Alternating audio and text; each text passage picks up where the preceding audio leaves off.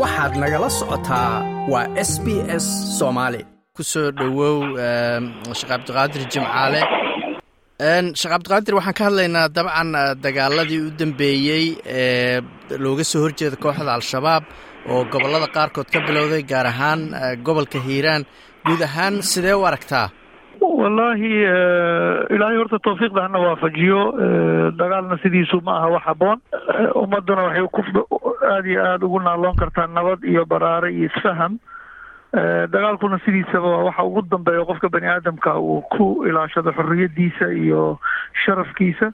Marka dagaalkan hadda dhex maray qoladii dowladda ka soo horjeeday ee sheeganaysa inay yihiin shabaab ulmujaahidiin oo dagaalka ka dhex wada ummadda muslimiinta in ummaddii ay ku kacdahay waa wax runtii aada iyo aad looga xumaado. Laakiin haddana in la qofkii dulmi wada in layska dhiciyo gacanta laga qabto rasuulkuna wuxuu yihi calayhi salaatu wasalaam unsur akhaaka daaliman aw madluuman. Marka ummaddu inay sharafkeeda soo cesha tahay waa wax aada iyo aada u weyn oo aada loo soo dhoweeyo. Waa gartay marka guud ahaan in inta badan beeluhu ay hoggaan u ahaayeen dagaalkan sidee u aragtaa? Ee aysan ahayn mid dowladdu ama mid goboleed ama federaalkii ay iyadu hoggaaminayso waa wax laga xumaado runtii maamulkii iyo dowladdii dhisnayd oo ummaddu ay isdhehaysa allaylehe azmadan taagan ama dhibaatadan taagan maanta inay ummadda ka samato bixiso oo ay soo celiso adeegii bulshada sida cadaaladda amniga horumarka kale sida waxbarashada caafimaadka maxaan ku kaabayaasha dhaqaalaha sida waddooyinka isku xirka magaalooyinka iyo gobollada in dowladdii ay ka gaabiso oo maanta ay shacabkii masaakiinta ahaa ee weliba baadiyaha deganaa ay ay noloshoodii iyadu dhaheen ma qaadan karno. Dulsaar iyo cadaadis nooga imaanayo dad aan wakiilna naga ahayn cid ay wakiil ka yihiinna aysan jirin. Xaqna aan lagu maamulaynin. Runtii waa wax aada looga xumaado. Laakiin wax walba meel bay ka bilowdaan. Shacabku inuu inta kaco maanta ay dowladihii isdaba joogay ee waxba ka qaban waaye arrintan ay tusiyaan in layska dhicin karo qofka dhaalimka ah. Waa wax runtii aada iyo aada loogu riyaaqo. Wax walbana waxbay ku bilowdaan. Ha ku bilaabato masaladu mas'alo reer oo dhibaatooday.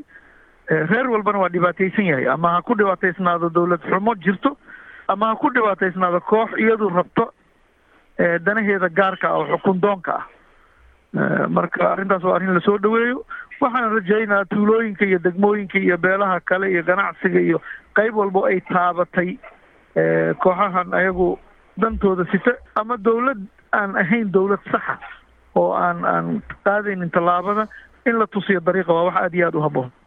Waa gartay qarax ama saddex qarax baa ka dhacay magaalada beledweyne dhowaan oo dad badan ay ku dhinteen dad baa dhaliila u soo jeedinaya hay'adaha amniga inaysan awoodin inay ka hor tagaan qaraxyadaasoo kale dhaliilo kaloo loo soo jeedinayaa jira maamul goboleedka hirshabeelle. Ma la qabtaa dhaliilahaas? Weliba mid ka weyn baan la qabaa. Sababtu waxay tahay qofka marka loo dhiibo howl mas'uuliyiintu iyaga mas'uulka ah amniga garsoorka iyo cadaaladda iyo horumarinta bulshada dib u soo celinta adeegii bulshada oo asaasiga ahaa. Marka in ay ka gaabiyaan amnigii waa arrin aada iyo aada u foolxun dhaqaala lagu siiyaa dowlad mushaar bay ku qaataan mansab ay ku fadhiyaan. Caawa haddii la jagada lagaa qaadi wuxuu tegayaa qofkaas reerihiisii odagiibu u tegi wuxuu leeyahy waa lay dulmiyey reer hebelnima laygu dulmiyey. Hawshina ma gudanayo. Maanta magaalo yar oo haddii la qiyaaso dherarkeeduna uu yahay waxaan toban kilomitr ka badnayn. Baleeceeduna yahay wax toban kilomitr ka yar.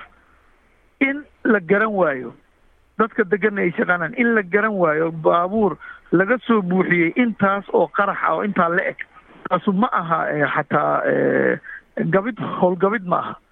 In lala shaqeeya xataa way dhici kartaa oo dad ka tirsan maamulka ay la shaqeeyaan xataa way dhici kartaa. Marka ma aha wax sahlan. Midda labaad qaraxu wuxuu tilmaamayaa horey u dhacday waddanka ciraaq. Markii laga adkaaday kooxaha waxay bilaabi jireen wax la yihahdo soft target. Meelaha laga jilcan yahay suuqyada iyo waxaa lamida inay inay inay inay bamba dhex dhigaan.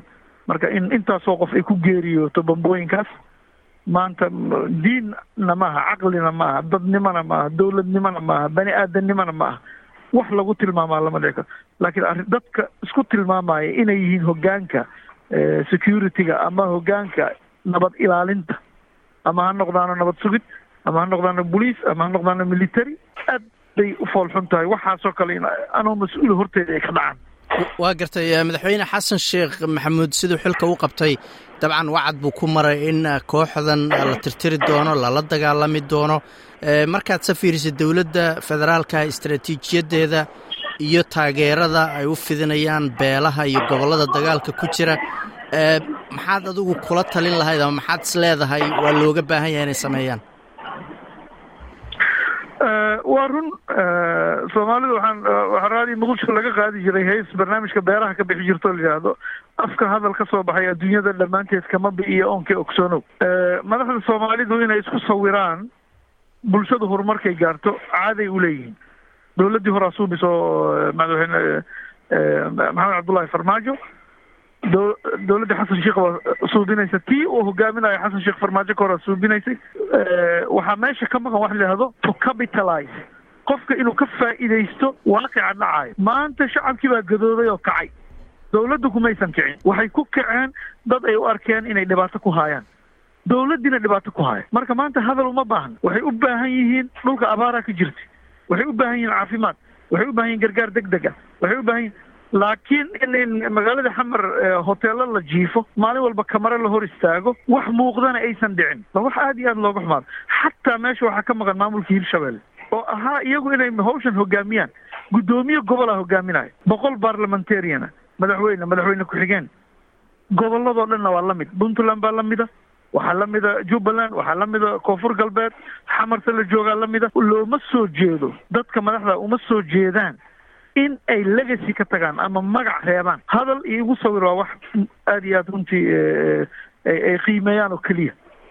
Marka aaday u gaabiyeen kaalintii laga rabayna ma joogaan.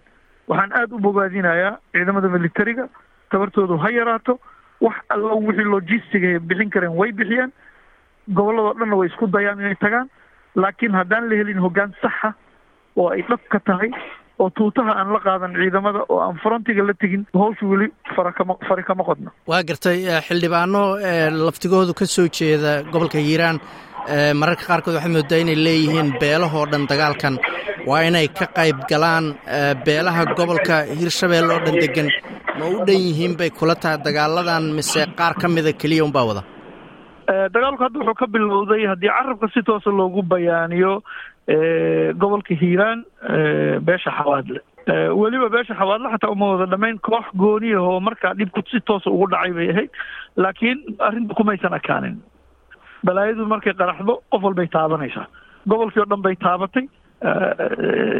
Ninkii walaalkaa dilay harkuuma jiidaayo ninkii adiga qofka dhibaateeyey dariskaaga walaalkaa wiil iyo abtigiisa. Berrito anna waa dhibaataynaya marka halganku wuu bilowday lamana rabo in la yidhahdo reer hebelaa bilaabay. Waa in la yidhaahdaahi waa inaan helnaa dowladnimo waa inaan helnaa dadnimo waa inaan helnaa sharaf. Waa in ummaddu caruurtoodii masaakiinta dugsi qur'aanka iyo high schoolka jaamacadda dhameeyey inay helaan shaqo iyo amni iyo horumar. Waxayna ku gaari karaan oo keliya in la helo nidaam toosan oo maanta hoggaanka ay qabteen dadka shacabka ee masaakiinta ah weliba weliba magaalo kama bilaabanin baadiyu ka bilowday dhulka tuulooyinku ka bilowday.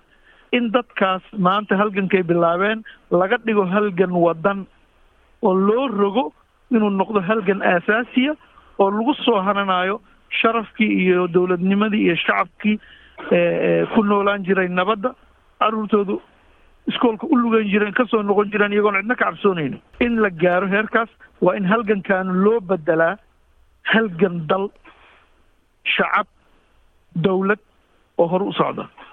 Ummadduna ay la xisaabtami karto qofka dhahaya anigaa masalaya laakiin inaan tuuto beena soo qaato afar boosha soo gashto oon idhaahdo anna waa sidaan ahay. Waa sheekadii maraykanka ka socotay xilligii ay bilaabatay haweenku ay eed sheegteen ee loo bixiyey me too. Bal anigane bal anigane meesha waxay u baahan tahay maanta hiil iyo hoo iyo geesinimo iyo hoggaan. Waa gartay sheekh cabdiqaadir ugu dambaynta dagaaladan waxay ku soo iyadoo waddanka soomaaliya iyo gobolkaba. Abaaro xunxun ay ka jiraan dad badan oo ay ku dhibban yihiin. Cabsi laga qabo malaayiin qof inay macaluul dhimato. Marka dadka qurba joogta ee barnaamijkan dhegaysanaya ama ku maqlaya maxaa iyagana looga baahan yaha maxay qayb oo ka qaadan karaan dhibaatooyinka dalka ka jira? Marka hore waxaan leeyahay dadka muslimiinta khaasatan reer australia salaad kastoo dukataan ha loo duceeyo ummadda muslimiinta ah ee soomaaliyeed in masiibada haysata ilaahay ka bixiyo. Tan ugu horreysa waa abaarka. Abaartu waxay saameynaysaa quultul daruurigii aasaasiga ah.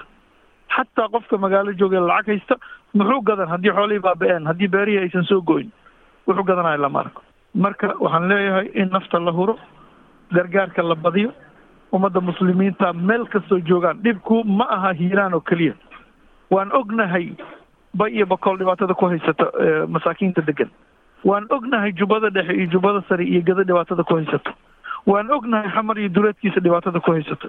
Waan ognahay shabeellada hoose dhibaatada ku haysato. Oo maanta nimankan soomaaliya adduun oo dhanba ka soo horjeestay adeegsanayna magacii diinta iyo islaamka. Dhibaataday ku haayaan marka in qof walba meel kastood wax ka tari karto ummadda ilaa somaliland puntland maxaan ku yidhaahdaa galmudug hirshabeelle koonfur galbeed jubbaland ummaddu waa wada baaba'san tahay. Hala kala darnaado dhibaatadu ha kala weynaato. Laakiin dhexda aan xidhanno qof walba wax alla wixii aad kari karto ku taageer ummadda muslimiinta ee soomaalida. Waxa aniga adiga naga soo eriyey waa nabaddarro waa waa waa waa dhibaato ijtimaaciya oo oo hari weysay. Maanta in ilaahay naga bixiyo ummaddaas u istaagtay xaqdarrada inay iska ridana inay noqoto wide wax ku fida bulshada oo dhan soona celiya cadaaladii iyo sinaantii iyo walaaltinimadii iyo sharafkii inay noqotaan rajaynaya insha allahu tacaala. In wax alla wixii taageer taageero oo la fidin karana la fidiyo. Ka rajaynaya ummadda muslimiinta australia degan ha iloobin dalkii iyo dadkii aad ka timid carruurtaadana bar. Una sheeg in dadka ka dambeeyaahi ay yihiin ciday ku abtirsanayeen maantana waxaan u baahannahay qalbiga iyo gacantaba inaan kala jirno ummadda walaalaheena masaakiinta. Hadday horumaraan annagaa horumarayno.